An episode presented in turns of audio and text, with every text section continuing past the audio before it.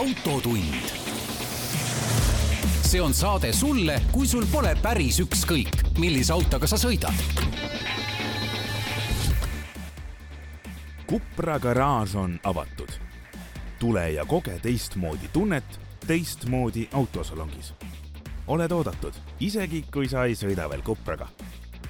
meie hubane atmosfäär, stiilne interjöör ja meeleolukas muusika on kõigi jaoks sõida läbi Kopra garaaž, Sõpruse puiestee sada seitsekümmend, Tallinnas. tere kuulajad, Autotund tagasi.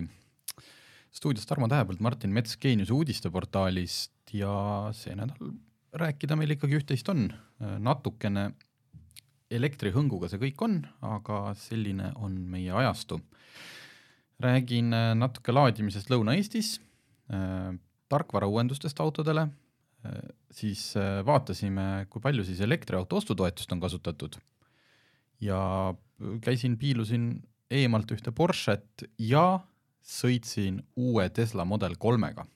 kusjuures äh, ma kohe tahtsin siia peale öelda, et asi, millest me täna tegelikult ei räägi, aga on see, et siin mingi üks Eesti automüüja tegi uuringu, et kui paljud mm, Eesti inimesed või ilmselt siis autojuhid teavad üldse selle ostutoetuse olemasolu ja seal tulemus oli vist see, et pooled inimesed teavad ja pooled ei tea. et see on küll huvitav. see on huvitav küll, aga no selles mõttes, kui me mõtleme inimesi, kes kuskil äh, pole kunagi mõelnud elektriauto ostmise peale, siis neid võib-olla ilmselt siis see ka ei huvita mm, -hmm. see teadmine sellest, et seda saab odavamalt, aga noh, samas kui muidugi no., kui neid ei huvita, et odavamalt saab, siis nad ilmselt vaatavad ka autosid, millele see ostutoetus ei kehti, ehk mis on siis kallimad. jah, võimalik, võimalik, et see on niipidi, Eestis ma ei imestaks, kui tänavapildis ringi vaadata, siis äh, see oli see, kas see oli see pressiteade, mis me saime, kus äh, tehti uuring, äh, vist äkki Volkswagen tegi, et äh, kas inimesed nüüd, kui paljude jaoks tänapäeval see sõidu ulatus on oluline. ja sealt selgus vist, et mingi kolmsada kilomeetrit paljude jaoks enam noh, ühesõnaga, et ei olnudki nii tähtis või ei, pooled ikkagi ütlesid, et kui võtta see mingi kolmsada, kolmsada viiskümmend kilomeetrit, et siis see ei ole nende jaoks piisav minu arust see oli, et kuuskümmend kaks protsenti ütlesid, et see on okei okay,, aga mis seal tegelikult, noh, see oleneb vaata kõik, et milline see küsimus on, et kas see, et kui sul on elektriauto, siis sul on iga päev, sa pead arvestama sellise piiranguga, et mina sõidan ka kolmsada viiskümmend kilomeetrit, noh, mina ei sõida isegi Tallinn-Tartu otsa, aga kes Tallinn-Tartu otsa juba sõidavad, nende jaoks see on juba oluline vahemaa. et jah, see oleneb, kuidas seal asjad olid äh, küsimused olid esitatud, aga, aga liigume ja. teemade juurde, mis äh, sinu äh, nädalat äh, see aasta, see aasta, see nädal, see nädal, see nädal, seda nädalat, see nädal kaunistas? kaunistas, vaatan, et meil mõlemal on siin see Lõuna-Eesti on teemaks.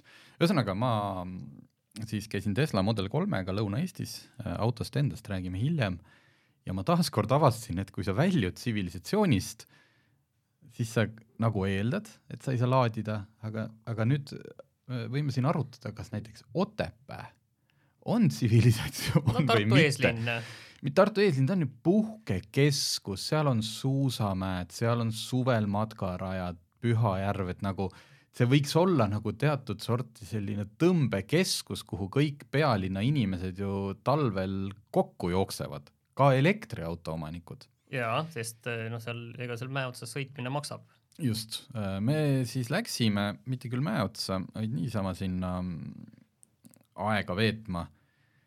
Äh, loomulikult minnes kohustuslik laadimine Tikupoisis, äh, no põhjuseks ka see, et ma ei saanud Tallinnas akut täiesti täis laadida, alustasin seitsmekümne protsendiga, et siin ei ole nagu otseselt seda, et Teslaga ei saanud nüüd isegi mitte ühte otsa sõidetud, vaid see oli oma viga.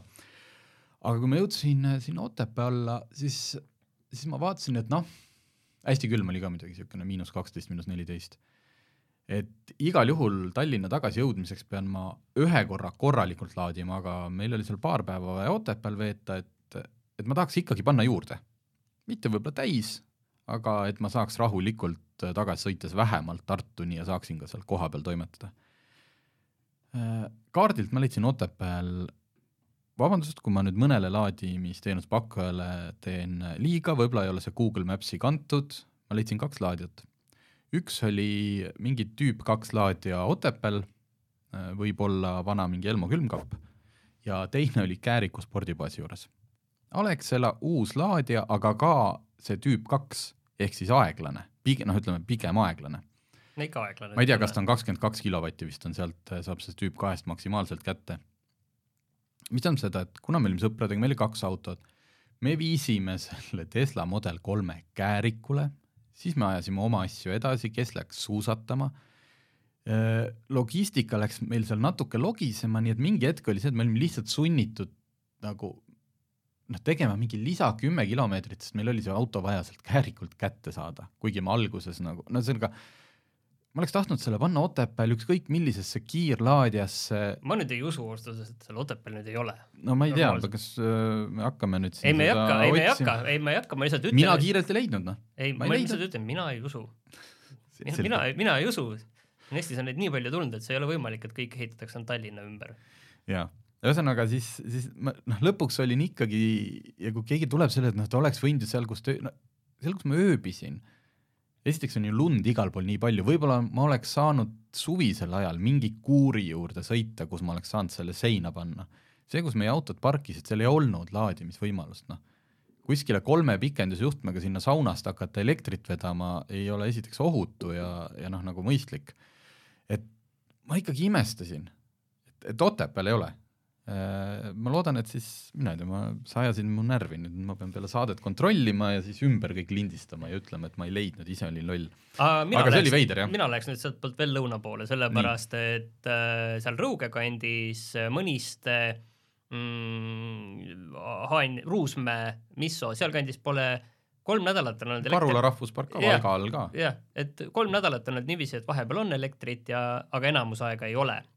Ja inimesed toimetavad seal kodudes loomulikult generaatorite peal äh,, niikaua kui kannatab, aga mind nagu üllatab, et siin on nagu isegi mitu aspekti, et üks on see, et pole olnud mingit äh, häda kuulda, et ma ei saa enda elektriautot laadida. et kas siis tõesti sealkandis nagu inimestel veel ei ole, et ma, ma nagu üldse ei muretse selle pärast, et äh, ma sealkandis käin päris tihti, ma tean, et seal inimestel on väga korralikud autod aga et seal ei ole kõigil kõige odavamad, Tarmo nüüd näitab mulle, et, et ei ole, ei ole laadijaid. oota, ja ma otsisin kaardilt ikkagi selle vä- välja, siin on jah, Jah, kaks tükki on märgitud, üks on käärikul. sul on võib-olla vale kaart, sa peaks mulle teist kaarti vaatama. vaata nüüd teist kaarti. aga, aga ühesõnaga, et ei, ei ole olnud hädakisa, et äh, sealkandis, et ei saa elektriautot laadida ja mis nüüd üldse saab.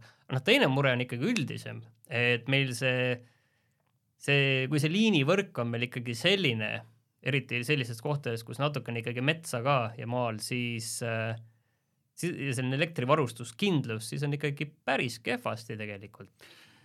jaa, ma ise olen neid mina ei mäletagi tegelikult sellist aega, et nüüd kolm nädalat kuskil oleks niiviisi olnud ära, et ma tean, ma ise elan ka maal, aga tegelikult ma elan väga väga, väga heade liinide kõrval, suured liinid tulevad sealt kõrvalt läbi ja seal peaaegu kunagi ei ole elektrikatkestusi, siis kui isegi pool Eesti on pime. aga, aga et, et selles mõttes, et kuidas see nagu võimalik on, tegelikult on natukene see küsimus. see kõik, minul elab äh, palju tuttavaid sealsamas Karula rahvuspargis ja, ja näen siis tänu nende Facebookidele, mis seal toimub ja see on noh, see nagu tõmbab vee peale igasugusele, ma ei tea, kes meil siis, mina ei ole aru saanud, kas Elektrilevi on sama, mis Eesti Energia ja kas nad kõik on üks ja sama või kes, kes peaks need traadid seal tagama, et me läheme natuke võib-olla autoteemadest kõrvale, aga lihtsalt nagu, et nagu mis kuradi pealkirjad on, teeme elektriautod, laadimisvõrgustik, elektriautode toetus, et nagu kellele või miks, kui meil on suur osa Eestit, me ei räägi ühest talust kuskil, kes otsustas koolid, sooserva, lasteaiad, kõik. Noh, see on, see on piirkonnad, küll hajaasustus, et, et seal ei suudeta kolm nädalat sisuliselt. Noh, muidugi see ei ole mitte seda, et ühte juhet, vaid seal siis äh, üks koht tehakse korda ja tõenäoliselt poole tunni pärast kukub järgmine puu. aga nendel elektriteenuse pakkujatel on kõik töö tegemata. ja siis selle asemel siin äh, aurutatakse mingeid päikeseparke ja asju, noh et äh, noh, räägitakse, kuidas meil on mingid, mingid rohelisuse asi, noh ongi väga roheline on, kui inimestel üldse elektrit ei tarbi, siis on eriti roheline. või see on see, et sa laed enda elektriautot ja generaator äh, kõrval huugab, kust see elekter sulle. Ee, ma sõitsin seal, seal ringi sõites muuseas oli, ma, mul tuli seal mitu head startup'i mõtet. üks oli see, mida ka Ain Kendra oma Facebookis äh, tõstatas, et näiteks kelle vastutus on, ta seal puudutas, tegelikult on, ühesõnaga, mis puudutab liine, peaks olema selle liini omaniku, mis ei ole siis mitte eraisik, vaid seal on ka niimoodi, et tal on õigus liiniomanikul teha seal seda raiet näiteks mm. -hmm. see, miks on need puud seal liinide kohal ja kõik sinna kukkunud tänu raskel lumele, on liiniomaniku tegemata töö.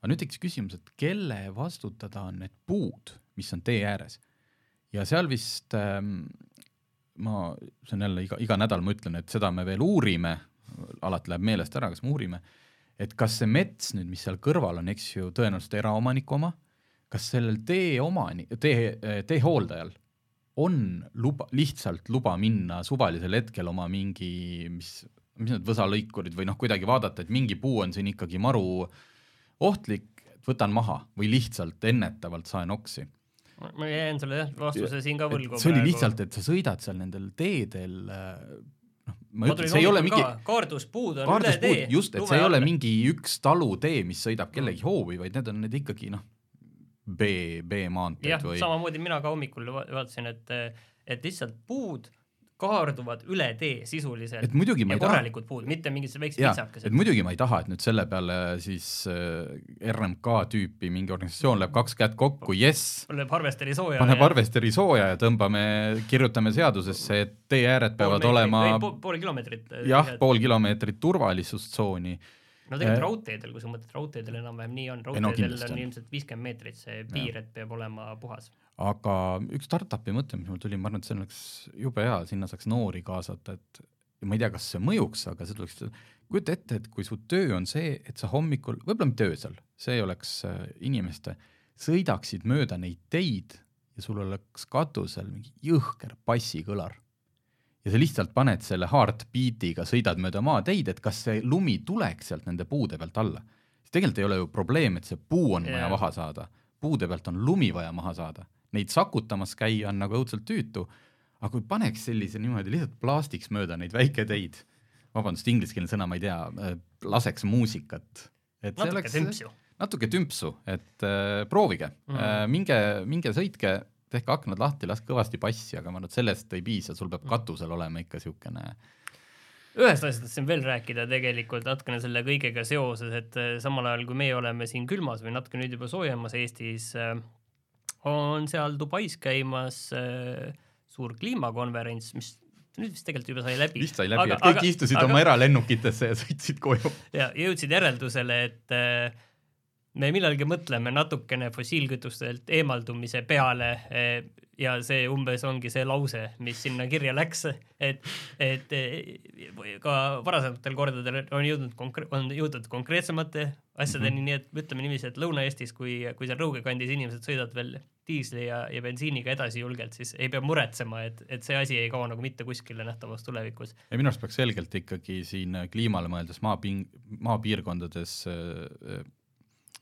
keelama või jälgima ikkagi seda diiselgeneraatorite, sest ma arvan, et need ei vasta kindlasti mitte euro seitse nõuetele, kas seal on DPF filter vahel, kas seal on e-keerklapp, eks ju, et ma arvan, et Mina... siin tuleks selgelt, peaks ikkagi kliimaministeerium sekkuma, et mida seal põristatakse kuskil tagakarulas, looduspargis ka absoluutselt, see on ju tõesti õudne, aga me, vaata nüüd ilutulestikku ju kõike su suudetakse juba ise ära jätta, aga ma lihtsalt tahtsin, ma lihtsalt enda ühe elu eesmärgi vahepeal, kui see COP kakskümmend kaheksa käis, ma sõnastasin, et tahaks järgmine kord minna sinna hakkan tegelema lobitööga juba, et eh, kliimaministeerium äkki võtab mind ka sinna kaasa ja, ja lihtsalt seda näha nagu kaks nädalat seda melu seal ja värki, et mm -hmm. kui agaralt seal ikkagi selle kliima ja meil peaks mm, ju kliimahoiuga tegeletakse, et lihtsalt tahaks nagu seda näha, sest tegelikult noh, tegelikult ma, ma pretan nalja, aga tegelikult see on tõsine teema kõik ja see on lihtsalt täiesti muidugi nagu, teema tõsine, nagu absurdne, kuidas sellega tegeletakse ja, ja noh, Eesti riik ka tegeleb, et me viiskümmend inimest saadame sinna ja, ja mina lihtsalt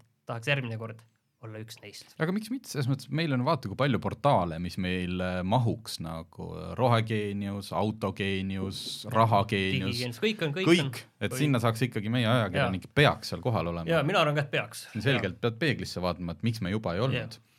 okei okay oleme siin ilkunud küll äh, natuke tõsiste probleemide üle, aga siis natukene tahaksin positiivset uudist ka, et äh, Timo Anis, kes on tuntud Eesti rallifotograaf, äh, pildistab või ühesõnaga tema pilte oleme kasutanud ka autolehes Autogeeniuses, et nüüd WRC on välja valinud kümme pilti sellest möödunud hooajast, kümme kõige paremat ja nendest muidugi valitakse parim, valitakse loomulikult rahvahääletusega, et need kümme pilti on nüüd üleval äh,, raske öelda, kuidas, noh, otsige WRC, otsi sõna autogeeniuses on see uudis üleval, Timo Anis fotograafi Facebooki lehel on see link, minge hääletage, et alati selliste võistlustega muidugi see, et noh, et kõik kutsuvad, et noh, et kellel siis suurem riik või yeah. et tulge hääletage meie poolt, aga ma ütlen siis, et minge vaadake neid kümmet pilti ja hääletage oma lemmiku poolt.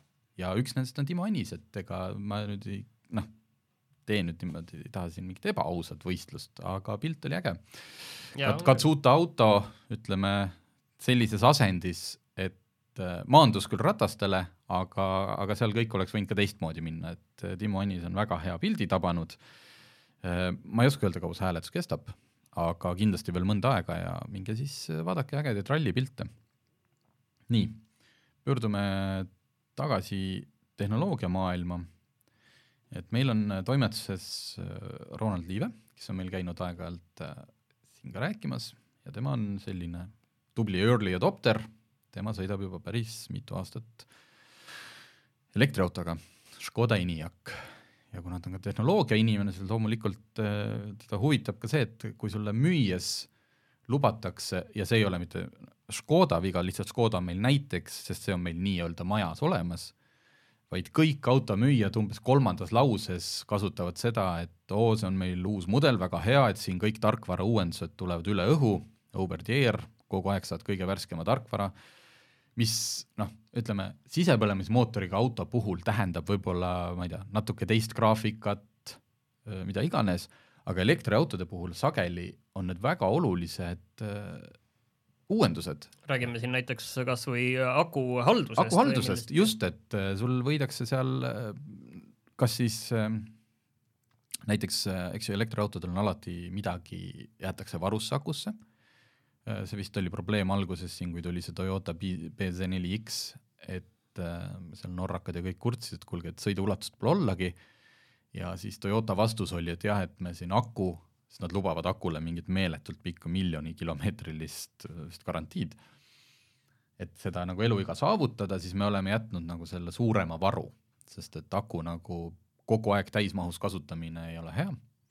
ja siis näiteks tarkvara uuendusega saab sealt natukene siis mõned protsendid tagasi võtta, kui selgub, et tegelikult on vaja või mis iganes. ja kõik muud asjad ka, kiirus, igasugused kaardid, needsamad, needsamad noh, kas auto leiab üles kõik su Otepää laadijad, eks ju, kõik need asjad, over-the-air. kokkuvõttes see taandub isegi ju rahalisse võitu, kui me räägime sellest akuhaldusest ja kõigest. just, vot äh,, aga, aga Ronaldil on see jama, et äh, üks, üks oluline uuendus, mida Škodale on pikalt lubatud ENIAC-ile, mis praegult nii-öelda ostetud autodel on juba peal, et tema pole sellest nagu midagi saanud, ei ole, ei ole üle õhu tulnud, pole ka nagu teenindusse kutsutud, et kuule, tule paneme sulle selle ei, kõige värskema. ei midagi uut, me pöördume jälle tagasi telefonide juurde, kus sa, tõsi, see mure ei ole olnud näiteks Apple'i telefonidel aga Androidi telefonidel on väga tüüpiline see, et Samsungil tuleb välja uus tippmudel, uus tippmudel tuleb uue Androidiga ja eelmise aasta tippmudelile see uus Android tuleb millalgi, et see kõik on nagu selles mõttes vana tuttav asi, et ega need seadmed ei ole ju kuidagi äh, noh, midagi muud, et selles mõttes, et tootjad ei ole ka midagi muud, nad annavad mingeid lubadusi, aga nendel on ka seal taga ikkagi mingi oma äriloogika, okei okay,, see auto ei ole selline asi, mida sa, enamik inimesi iga aasta vahetavad uue mudeli vastu ja noh, enamik inimesi õnneks ei vaheta ka telefoni iga mudeli vastu, aga see on ikkagi nagu selles mõttes tuttav teema. jah, et äh, ta siis uuris ka ja ta liitus siin hiljuti, loodi muuseas Facebooki ülemaailmne Škoda Enyaqi omad, omanike grupp, kuhu pääseb Škoda enda poolt kuhu pääseb siis äh, põhimõtteliselt noh, sa pead oma auto VIN-koodi ütlema, et see ei ole nagu avalik grupp, vaid see ongi ikkagi päriselt omanikele. ja see tarkvara uuenduse häda on ka teistel, et see ei ole nüüd äh, mingi Eesti mure. et äh, lihtsalt noh, lubati välja ja, ja noh, kõneisikuks on meil Eesti Auto sada turundusspetsialist, kes ütles, et jah, et see tarkvaraversioon ME kolm kaks ük-, kolm punkt kaks punkt üks, kõik ENIAC-id uuendatakse selle peale, aga ajaraami hetkel ei osata öelda. ja, ja asi ei ole isegi mitte selles, et ta ei tule üle õhu, et noh, okei okay,, et kui asi on selles kuidagi data liikumises, et jumala eest, et ma sõidan siis sinna esindusse, pange kaabel külge, et ei, et see ikkagi üritatakse klientideni tuua üle õhu.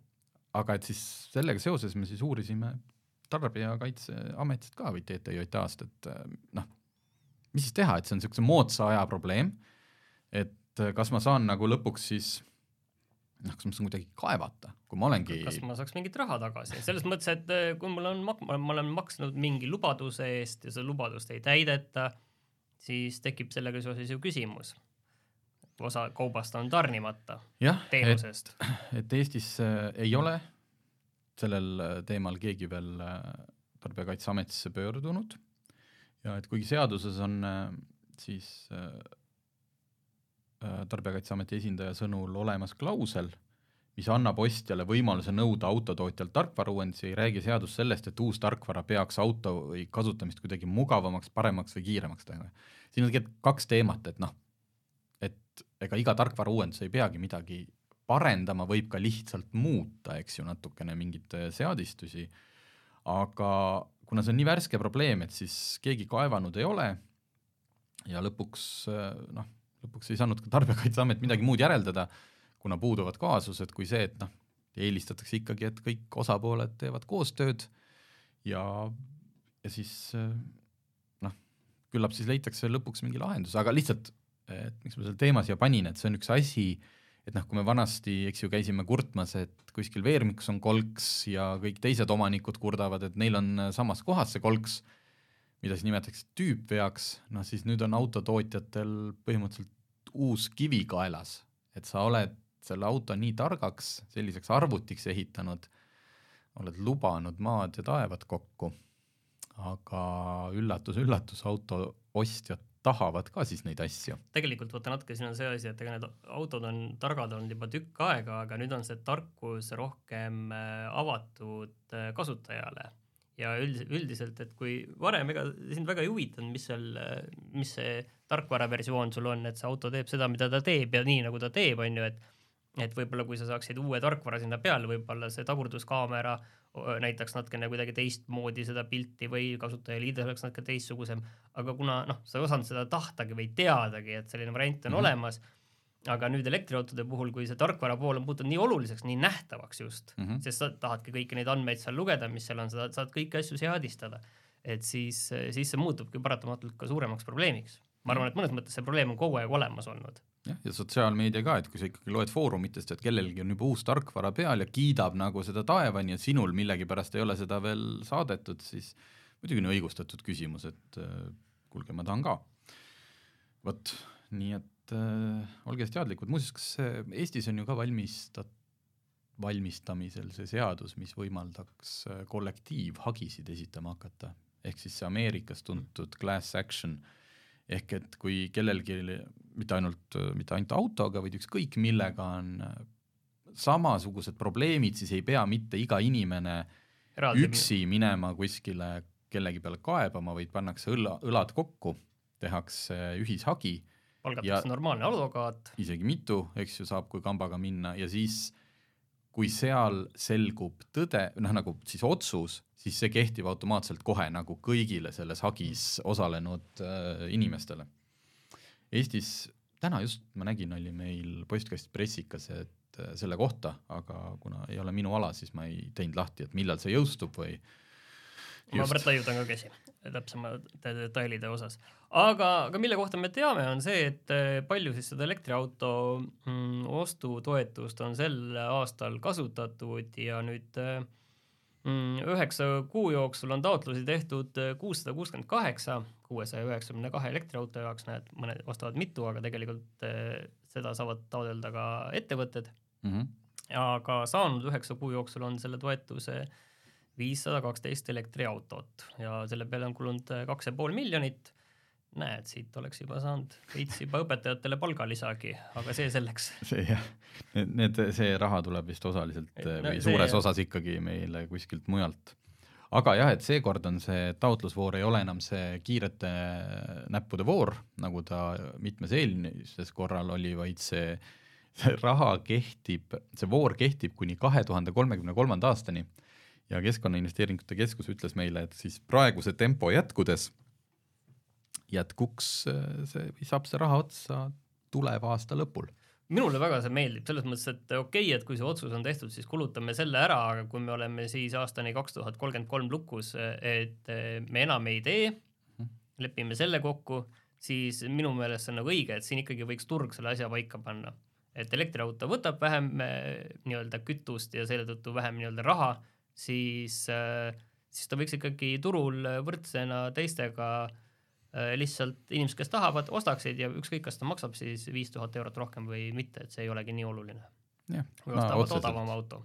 Otseselt, otseselt sulle vastu ei vaidle. ja äkki see muudab ka elektriautode hindasid Eestis Mhm. natukene mm -hmm. odavamaks, sest ega noh, Breton kaupmeestel ju lihtne sinna see kaks tuhat juurde kirjutada, ma lihtsalt äh, niiviisi suvaliselt pakun, aga, aga ma ütlen, et noh, see oleks täitsa loogiline asi, mida teha. Jah, äh, eelmistes voorudes oli kirjas ka see kahekümne tuhande kilomeetri läbimise nõue aastas, ehk siis nelja-aastase perioodi lõpuks kaheksakümmend tuhat kilomeetrit. mul on üks tuttav, kes on kunagi siin saates käinud, kes ostis omale selle toetusega Honda E ja kes teab Honda E-d, mis sõidab ilusal suvepäeval hästi viisakalt sõites umbes kakssada kilomeetrit ja talvel sada. Äh, no ta on saanud ikkagi vist peaaegu kakssada kätte ja talvel on see noh, niisugune sada maksimaalselt, et sellega annab ikka nagu kaheksakümmend tuhat täis ei suhistada. ole väga kaugel käia, ei ole. aga et äh, ühesõnaga erinevate reeglite rikkumise tõttu on tagasi nõutud kolmkümmend tuhat eurot äh, ühesõnaga kolmteist juhtumit on olnud kokku nende, seda, kus ei ole saadet, saadud seda kilometraaži täis, aga praeguses voorus seda kilometraaži piirangut või nõuet ei ole. aga selles voorus on ju veel üks põnev koht, mille nimi on kastirattad, palju, palju poleemikat tekitanud toetus, üllatus mina arvasin, et kui me seda küsime, siis selg-, noh, et siin statistikat, et selgub, et noh, et eks kolm, kolm Kalamaja inimest on seda küsinud. ära räägi, taotlusvooru algusest alates on esitatud saja viis, sada viiskümmend üheksa taotlust saja seitsmekümne kaheksa ratta ostutoetuseks. Ehk siis saanud on juba saja viiekümne, sada viitekümmet kastiratast on juba toetatud summas sada kuuskümmend kaheksa tuhat eurot mm. -hmm. ma ei tea, siin ei olnud. rattahiluksid ma... Rat,. rattahiluks jah? jah, need, kes lasevad kalamaja vahel oma hiluksitega ei, ma nüüd, ma nüüd ei tea, kas seal oli ka ikkagi ettevõtetel ka võimalik, et äkki on keegi ostnud omale mingisse fliiti, võib-olla hakatakse neid rentima kuskil siin tänavatel välja, ma ei tea, aga päris üllatav summa. ausalt öeldes ma pean tunnistama, et mul ei, puudub nagu aimdus isegi Eesti selle turu kohta, et milline see turg üldse on, noh, ma tean ainult seda, et Hagen Bikes läks just pankrotti, eh, üks ja. meie kohalik tootja, aga palju siin muidu nagu turul seda valikut on, ma ja, ja ma ei, seda ma ei, isegi ei tea, ei kujuta ette vot, et äh, elektriautosid on ostetud ja noh, ma nüüd ei ütle, et kiirustage, aga, aga kaheksakümmend kuni sada taotlust iga kuu laekub ja hinnanguliselt see toetus on niisugune tuhande seitsmesaja viiekümne viie auto ostmiseks, millest siis viissada kaksteist on juba ostetud, et tehke omad arvutused nii, aga, aga räägime nüüd äh, autodest äh,. sina käisid selle Tesla Model kolmega seal Lõuna-Eestis. ja ma jätaks isegi selle veel, veel viimaks, ma lihtsalt tahtsin öelda, et ma aeg-ajalt, me oleme küll üritanud neid vältida, aga kui ikkagi tuli kutse ja siis ma vaatasin ka kalendrisse ja mulle sobis ja ma polnud ammu Karli sillal jalutanud kah, et ma lähen käin siis korra seal Prahas ära, sellepärast et sinna toodi vaatamiseks uus Porsche Panamera. et me neid niisuguseid staatilisi asju pigem väldime, aga mitte alati. ehk sõita ei saanud, sõiduproovid tulevad kuskil uue aasta seal äh, veebruar-märts. Äh, aga auto oli ikka päris, mitte mingi auto oli päris, ja, ja ta oli ikkagi päris, tal oli numbrid küljes, ilmselt sellega kõik Eesti sõitjad sõidavad äh, juba, juba ka tänavatel, lihtsalt mitte ajakirjanikud. välimuselt äh, isegi ma panin need pildid autogeeniuse Facebooki ülesse ja kommentaarides läks kohe nagu kõvaks andmiseks seal, et noh, kirjutasin lisatekstiks, et uus Panamera, läksime vaatama ja siis tulid seal kohe, et see ei ole uus Panamera, et see on facelift. kuna ma olin seda fakti või seda väidet ka varem kuulnud, siis õnneks oli seal tootejuht oli kohalt, kellel ma sain küsida, ütles, et ei, see on kolmanda põlvkonna Panamera. ehk siis täiesti uus. nüüd on noh, ta näeb välja väga sarnane eelmisele, aga kui me vaatame üheksa üks üks mudelit, siis näiteks noh, Porsche ei ole väga tuntud oma sellise väga radikaalsete muudatuste poolest, et miks ei võiks ka siis Panamera lihtsalt nagu näha välja peaaegu nagu eelmine, aga olla tehnoloogiliselt uus. ehk et jaa, see on uue põlvkonna Panamera ja siis loomulikult noh, suurem osa sellest arengust ongi ikkagi kere all.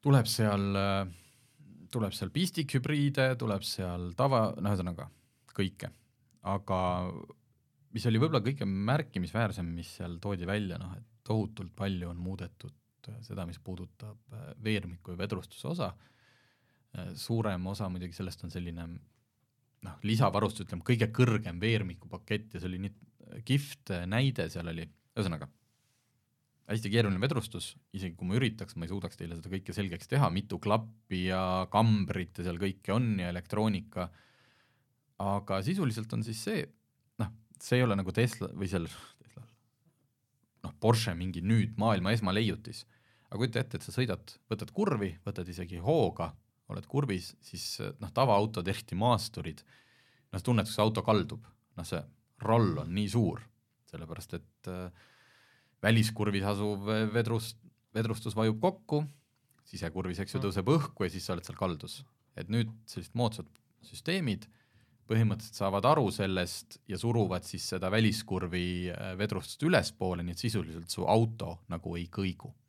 ja sama on pidurdamisel ja gaasi andmisel, ehk et ta saab aru, et sa andsid gaasi, siis on sama, et see nina ei tõuse niimoodi ülesse või pidurdamisel sa ei vaju ettepoole, vaid vedrustus juba teab ja juba korrigeerib ära. lisaks, kui sa sisse istud, et kui siin, mina olen suur sedaanide sõber, aga ikkagi paljud ütlevad, no jaa, et linnamaasturisse on palju mugavam sinna ju siseneda. ma täiesti nõus, muidugi on. sinna nii-öelda autosse tõusta või siis samal tasemel minna on muidugi mugavam, kui oma vanade kontidega sinna põrandale istuda.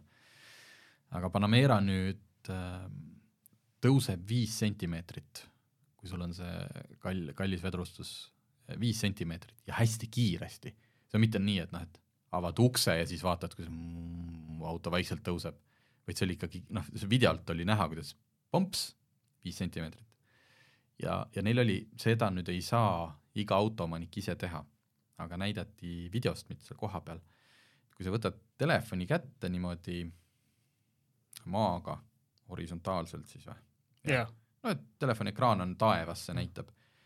Siis oli seal testi Panamera ja telefon ja kui seda liigutati niimoodi üles-alla, vasakule, põhimõtteliselt see auto käis täpselt nagu see telefon. et see vedrustus toimis nii kiiresti, et ta jälgis täpselt seda telefoni liikumist. et kui keegi oleks sellel ajal autos istunud, siis ta oleks saanud korraliku sellise noh, raputamise mm. ja loksutamise. et, et kõik see aga miks seda on... kõik teha ei saa?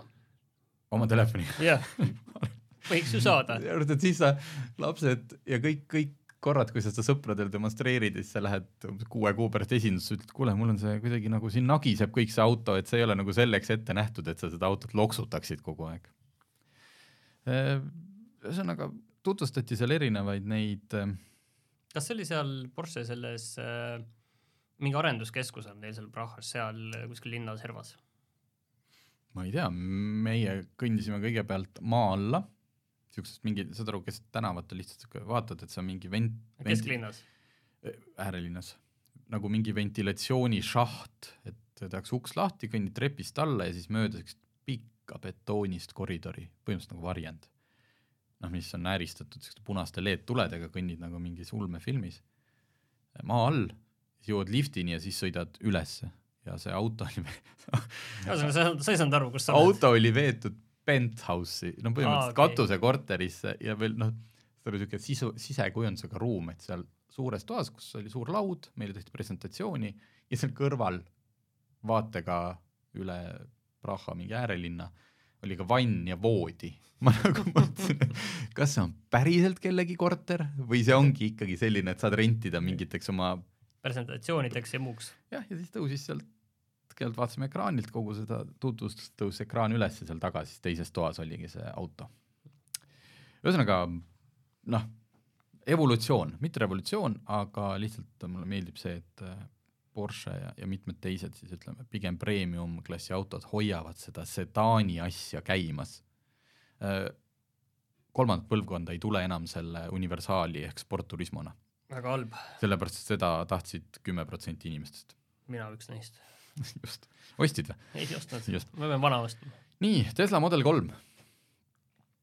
et äh, kas meil on veel aega? ma vaatan, jõuame küll. okei okay.. ühesõnaga, Tesla Model kolmest tuli välja ka uus versioon, see on küll mudeli uuendus, aga päris põhjalik, muutunud on ta ka välimuselt, nii esimesed kui tagumised tuled on ikkagi täiesti teistsugused kui eelmisel. selle nimi on Highland, nagu see lisanimi, et selle järgi saad aru. ja see on juba Eestis kohal, päris mitmed need Eestis, kes need diilerid on, et Eestis ei ole ametlikku esindust, paljud inimesed tellivadki ise otsa, otse Tesla kodulehelt, kus Teslal on täiesti ka partner, et kui sinu auto on valmis, siis sealtsamas pakutakse sulle kohe ka transporditeenust, et see tuuakse Hollandist sulle kohale mingi tuhande, umbes tuhande euro eest või. aga osad ettevõtted on selle ise juba ära teinud, auto tellinud, Eestisse toonud, saad kohe näha ja põhimõtteliselt siis salongist välja sõita. Äh,. Äh, meil oli proovimiseks äh, SR, mis on siis standard range ehk siis väiksema akuga ja tagaveoline, mis on tegelikult kihvt, sellepärast et noh, seda performance'it üldse veel äh, uue, uues versioonis ei olegi, et ongi kaks tükki, short range, standard range ja long range, mis on nelikveoline. standard on siis jah, juba tahtsid on öelda standard, ei mitte short. short, vaid standard just. ja siis on long range, mis on nelikveoline. ma sõitsin, nagu ma ütlesin, Otepääle mõtlesid küll nagu vanasti, et issand, tagaveoline ja elektriauto ja no mul ei tekkinud kordagi sellist tunnet, et see nüüd läheb näpust ära või et ma tunneks seal, tegelikult ka Volkswagen ID3 ja paljud elektriautod on olen, olen kuulnud seda nurinat, et äh, ei, ei lähe üldse näpust ära isegi sellise lumise ilmaga. ja ta ei lähegi, seal on üks nupp, mille nimi vist oli kas mingi slip, slip control, et juhul, kui sa oled hange kinni noh, et sul on vaja Mhm. natukene nagu kaapida, lülitad sisse, noh sellega ma sain suure platsi peal teha selliseid väga-väga algaja inimese sõõrikuid. noh, et justkui nagu läheb libisemisesse, siis ta jälle aga, aga väga turvaline on. hästi turvaline jaa, et ei, sa ei saa seda välja lülitada. aga, aga ka sellisel hetkel, kui sa oled noh, ütleme, teed kuskilt poeparklast seal maal niimoodi väljapööret, mis on nagu päris järsk nõlv, et sinna peateele saada, jääd seisma, vaatad, kedagi ei tule. sõber mul taga arvas, et kuule, sa kindlalt tagaveoline või? siis ta läks täiesti noh, ilma mingi mm. probleemita, ma ei pidanud umbes tagurdama ja hoogu võtma, läks ta sealt nõlvast ülesse, mis ei olnud muidugi kiilas jää, aga oli talviselt noh, niisugune lumesogane kõik. et, et ma ei oska küll, ma selles arvustuses tõin ka veel kolm põhjust, miks osta see nelikveoline. üks on see, kui sa tõesti tahad, et sul oleks see jõhker elektriauto kiirendus, sest tagaveolisel on see kuus koma üks, mis on täiesti piisav. aga see ei ole, sul ei ole seda noh, parditrükki, millega kõiki oma reisijaid kogu aeg ehmatada, et sa niimoodi okei okay,, kui sul seda kiirendust on vaja, siis nelikveoline, kui sul on tõesti see, et sa elad kuskil maal, kus sul ei ole elektrit, nagu me saate alguses rääkisime, ja just, et kui sa jääd nagu hangedesse, noh, no see, et kindlasti ma oleks suutnud selle Model kolme sinna kuskile kinni sõita, et noh, ilma mingi kahtluseta no kõigepealt lihtsalt põhja peale kuskil. põhja peale ja siis see ka, et ikkagi, kui tagarattad on kuskil äh, vastikus kohas ja esimesed appi ei saa tulla, noh siis sa oled kinni. Ja kolmas on siis see, et äh, siis sellel long range'il on veits pikem sõiduulatus, aga, aga ta ei ole selles mõttes, et sellel äh, standard range'il ametlik on viissada kolmteist. Long range'il on äh, vist kuussada kakskümmend kaheksa, kui ma ütlen peast. no see on see ideaalne. no see on see, ütleme mingi sada kilomeetrit vahet, et see nagu ja hinnavahe äh, päris kümmet tuhandet ei ole, vähem. aga et lihtsalt, mis need hinnad, ikkagi mis need hinnad täpselt? see auto, millega mina sõitsin, oli, ta oli nende väiksemate velgedega, sisuliselt me räägime siin baasversioonist. tal oli vist mingi autopilot peale ostetud, sellest ma kohe räägin. oli, seda müüakse Eestis nelikümmend üheksa tuhat üheksasada üheksakümmend eurot noh, ja sellest vist saab maha võtta selle elektriauto toetuse no ma ei tea see on lihtsalt kasutatud auto, aga ma ei tea, kuidas see arvel on, Eestile toomi, Eestisse tuues vist. Ta on juba numbris, sellega on juba noh, peale mi-, noh, mina lõpetasin, eks ju, tuhat viissada kilti, ühesõnaga, see on juba selle müüja, mina sain selle elektriautopood.ee eest viiskümmend tuhat, täpselt viiskümmend tuhat oli selle auto hind. et äh, mis ma siis tahtsin sellest autopilot, seal ma, ma ei ole selle Tesla kõikide, seal vist ei olnud seda FSD-d ehk see full self-driving capability, mis ei ole full self-driving, ärge jumala eest seda uskuge. Ma ei tea, kas see oleks veel üks nupp sinna tekkinud, aga igal juhul see nädalavahetus, kus mina sõitsin, noh, kõik Eesti on ju lumega kaetud, ka põhimaanteed on sellised, et kohati ei ole mitte mingit tähistust näha. ma korra proovisin seda ja ta on suhteliselt vägivaldne, mis tähendab seda, et sa, sul ikkagi rool kogu aeg käib käes ja sa ei taha seda, sa ei taha talvise libedaga. mis sa, miks see rool sul, miks sul käed rooli peal üldse on? Kohe ja leidsin ühe kuivema teelõigu puhta ja proovisin siis, et kuidas see siis toimib. ja ta on äh, õnneks, kas asi on siis Euroopa Liidus või on Tesla ise ka targemaks saanud või, või milleski muus. Ja ma just lugesin saate algust uudise pealkirja ja liidi ühest välisajakirjast, et äh, kaks miljonit Teslat kutsutakse kuskil tagasi, äkki siis USA-s, et teha mingi uuendus. Ja sisu oli justkui seesama, ühesõnaga, mis minul juhtus, oli see, et ma võtsin käed roolilt ära, lasin tal sõita, mingi hetk ei kuulanud en enam tema hoiatusi, et pane noh, kuule, pane käed roolile, sest et ma testisin turvalistes oludes, kedagi vastu ei tulnud. siis ta lülitas selle välja, nagu autod teevad mm., ja, ja siis ütles, tähendab no sisu, ma, see ei ole nüüd tsitaat, aga sisu oli see, et kuna sa ei kuulanud sõna, siis kuni järgmise käivitamiseni sa seda enam kasutada, seda autostiiri sa kasutada ei või. Või no ei saa, ma ei lülita sisse sulle. olgu see sulle õpetuseks see on jumala kihvt, selles mõttes on äge. et ja samasugune tarkvara uuendus vist käib, käib kahe miljoni Tesla kohta, kus seda millegipärast ei ole. nii et ühesõnaga, ma ei tea, kas see autopiloot oleks mind ise sinna Otepääle sõitnud või see autostiir, ilmselt mitte. Eestis seda õnneks teha ei saa. Äh, äh, no ja siis see interjöör, et kui, kes Teslat on näinud, see teab, et seal on üks suur ekraan ja rool. Ja kui sa arvad, et nagu sellest minimalistlikumaks veel minna ei saa, siis äh, Highlandiga on mindud. sest kui ennem oli roolisambal kaks kangi, ühest siis sai suunatulesid ja aknapesu panna ja teine oli käigukang, siis ei ole neid ka enam noh, käigukangi sul ei olegi vaja, ma ei tea, tagu-, tagurtamiseks ei no seesama, seesama, see, et noh, ja ongi, aga see, aga need aga käigud rooli peal nupuga. Sul on vasaku siis käe juures pöidla all on. no väga mugav, õiges kohas. ta, ta on, ta ei ole õiges kohas sellel hetkel, kui sul rool on pöördes. aa, tõsi, jah. kui sa oled alustanud pööret, sul on juba niimoodi, ahah, ja siis enne, enne, enne seda manöövrit paned sisse. ja, ja just ühesõnaga ka kolmanda sõidupäeva käigus ma ikkagi avastasin ennast nagu vasaku käega tühja rapsimas, et seda kangi leida, aga no ma ütlen, see on niisugune asi, et et hästi paljud asjad äh,, ma vist seda aeg-ajalt mainin, mis me siin saates või oma ajakirjas või veebis kirjutame, et nende nimed on autoajakirjanike probleemid. mis tähendab seda, et ma kasutan seda autot kaks päeva, noh et kui mind häirib mingi raadiojaamade valik või mingi ergonoomika asi, et issand, ma ei leia seda suunatuld kohe üles. kahe-kolme nädalaga harjun ära. kui ma olen selle auto ja... ära ostnud, siis on see kõik nii käpas, et noh, et see tõenäoliselt ei, ei, see suunatulega on võimalik harjuda. käigu edasi-tagasi vahetad niimoodi, et suure ekraani peal, siin vasakus servas on see nii-öelda käigukangi riba, et noh, kas sa lükkad sõrmega üles, siis sõidad edaspidi, lükkad sõrmega alla, sõidad tagurpidi ja siis vajutad sinna, seal on park või neutral. Vangutan pead lihtsalt, see tundub ei, absoluutselt, ma ütlen, et ma sain ka selle lõpuks selgeks ja seal see sest, auto sest ma ütlen, et ma näiteks siin hommikul tööle tulles parklas natuke manööverdasin, autod olid kõik edasi-tagasi, siis pidid natuke nõksutama edasi, natuke tagasi, et sinna autode vahele tagasi ennast ära tagurdada, et seda ma peaks nüüd tegema niiviisi, et rulliku peal seal lasen ja vahepeal sõidan natuke edasi ja rulliku peal lasen või ta pargib mul automaatselt ära mind. Äh, kindlasti on tal ka mingi autopark võimalus ja tal peaks olema seal ka selline asi, et ta saab kuidagi ka ise aru, et nii, et nüüd sa just tagurdasid ja nüüd sa jäid nagu seisma, ta näeb, et taga on ilmselt takistus ja nüüd ta peaks aru saama, et nüüd ta pani ise esimese käigu sisse. ütleb mulle ka midagi selle kohta. ma ei tea, ma ei julgenud seda proovida, ma seda korra proovisin, aga mõtlesin, et nagu ma ei kavatse selle testiautoga kuskile jäisesse hange sõita, sellepärast et ma arvasin, et äkki see nüüd töötab äh,.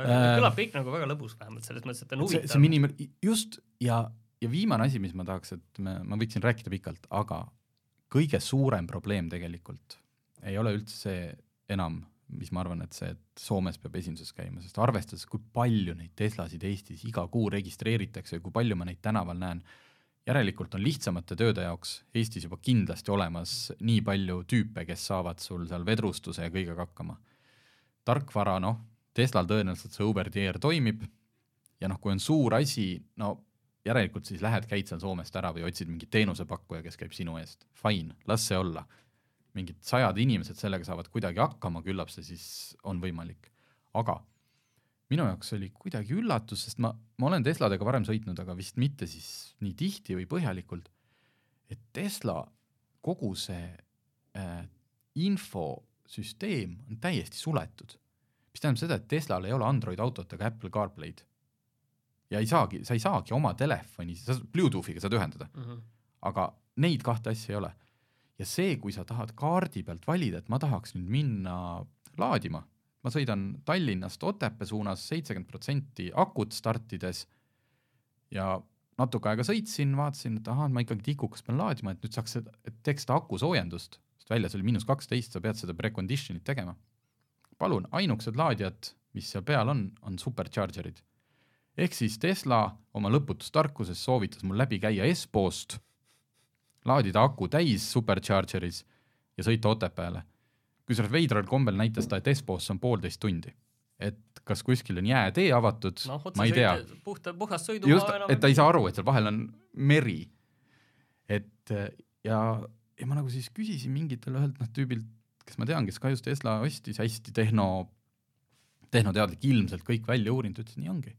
ja Teslal ei ole ka seda nuppu, et ma saaks nagu ise nüüd hakka akut soojendama. ainuke võimalus akut eel soojendada on see, et sa sõidad supercharger'isse, mis on siis, üks on vist on Mende villas ka väidetavalt. aga sa paned selle, okei okay,, supercharger on nii kaugel, ma mõtlesin, et pane, ütled, et Ja sõidad jaa,, aga ma- tegelikult ei sõida. just, ja ma, ma Poolteist tundi proovisin sinna- ja mul on tunne, et ta ikkagi sai aru, et ma muudkui lähen Espoost kaugemale, siis ta sai aru, et nüüd sa ei jõua enam isegi Espoosse, ühesõnaga äh, täiesti jabur, sa saad akut eelsoojendada siis, kui sa oled kodus laadija otsas, siis sa saad põhimõtteliselt küll panna, et enne kodust väljumist sul vähemalt on nagu see aku soe, mis tähendab seda, et ta tarbib vähem äh, energiat. ja see oli minu jaoks nagu, kui üldse mingi asi Tesla puhul minu jaoks deal breaker'iks saaks, on see, et äh, ta, et mul ei ole Android autot ja kogu see laadimis, see on kuidagi niisugune veider, hästi lukus aga väga tänuväärne auto on ikkagi selles mõttes, et äh, sa oled jõudnud viisteist minutit äh, nii hingestatult sellest saanud juba rääkida ja, ja väga huvitav on. ja, ja, ja ma olen äh, Teslade vastu olnud võib-olla kohati natuke liiga õel, üks põhjus on ka see, et noh, see mul kuidagi käsi ei tõusa oma raha selle Elon Muskile viima, aga kui ma nüüd sellega, et ühesõnaga selle esimese päevaga või esimese sõiduga sinna Otepääle, ma sain nagu, mul oli autos kaks sõpra ka. Ah,, sorry, näed, ma räägin edasi, see on põhimõtteliselt äh, täisklaaskatus noh, keskelt läheb sul üks äh, riidest osa ka, kus on turvatala, eks ju, aga sisuliselt on kogu katus on jääst või sellest klaasist, aga oli jääst. aga oli jääst. Ja tagaiste on võrdlemisi väike, suurel inimesel on tagaistmel kehv. ja kui sa oled veel pikk ka, siis sul on pea laes ja mul oli autos sõber, ütleme, kellel noh, juuksekasvuga võib-olla ei ole. Siin põhjust väga nii-öelda kiidelda, ta ütles, tal on peal jumala külm. Ja ta pidi mütsi pähe panema, sest et niimoodi õhkas külma. Ja lõpuks ta, ta tegi seda ka esiistmel ka, sest võib-olla see, et tal oli juba taga selle külma ära saanud, siis ta lihtsalt, ma ei saa, ma tunnen, et mul pea külmetab. kui sul puhas klaas on ja eeselt aga minul, minul on juuksed peas, me oleme sama pikad, et noh, kõrvuti istusime, et minul nagu eesistmel, ma küll noh, proovisin ka, et panen veel siia rusika ka, et noh, kas ma nagu tunnen käega seda külmust, et mul seda probleemi polnud.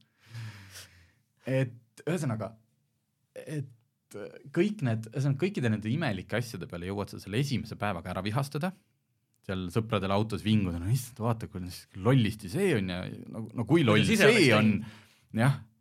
aga kuskil kolmandaks päevaks saad aru, et eh, jube, mõnus on juba.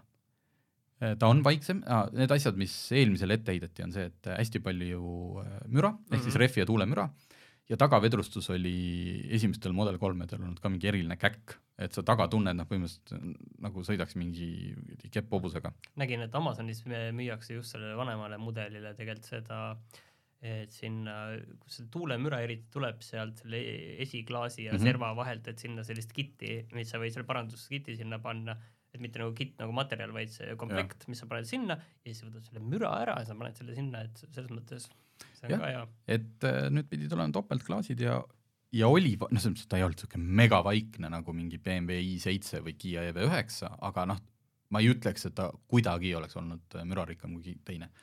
nii et kui ma lõpuks Tallinnast tagasi jõudsin, siis ma tundsin, et ma ei ole küll nagu läinud Tesla usku, aga neid viiekümne tuhandesi elektriautosid siiski, millega päriselt kuskile sõita saab, on käputäis ja Tesla Model kolm nende hulgas on väga tugev konkurent.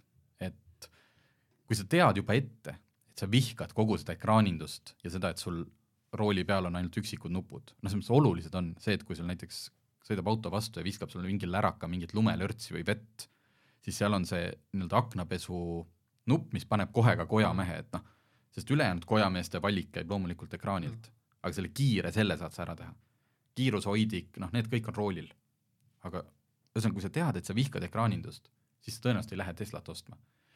aga kui sa sellest nagu arvad, et üle saad, siis ma ei tea, sümpaatne oli, ma ütleks sümpaatne. veidrustega, aga, aga tasub kaaluda küll. et äh, aitab? mul on tunne, et siit Meil järgmiseks korraks sul tuleb veel võtta mingi üks neli-viis asja veel meelde, mis sul praegu äh, siin tuhinas meelest läksid. just, meil hakkab nüüd äh, õhtul kohe varsti jõulupidu ja me lähme nüüd hakkame asju tooma. aga teiega kuuleme järgmine nädal jälle. Kupra garaaž on avatud. tule ja koge teistmoodi tunnet teistmoodi autosalongis. oled oodatud, isegi kui sa ei sõida veel Kupraga. meie hubane atmosfäär, stiilne interjöör ja meeleolukas muusika on kõigi jaoks. sõida läbi Kupra garaaž, Sõpruse puiestee sada seitsekümmend, Tallinnas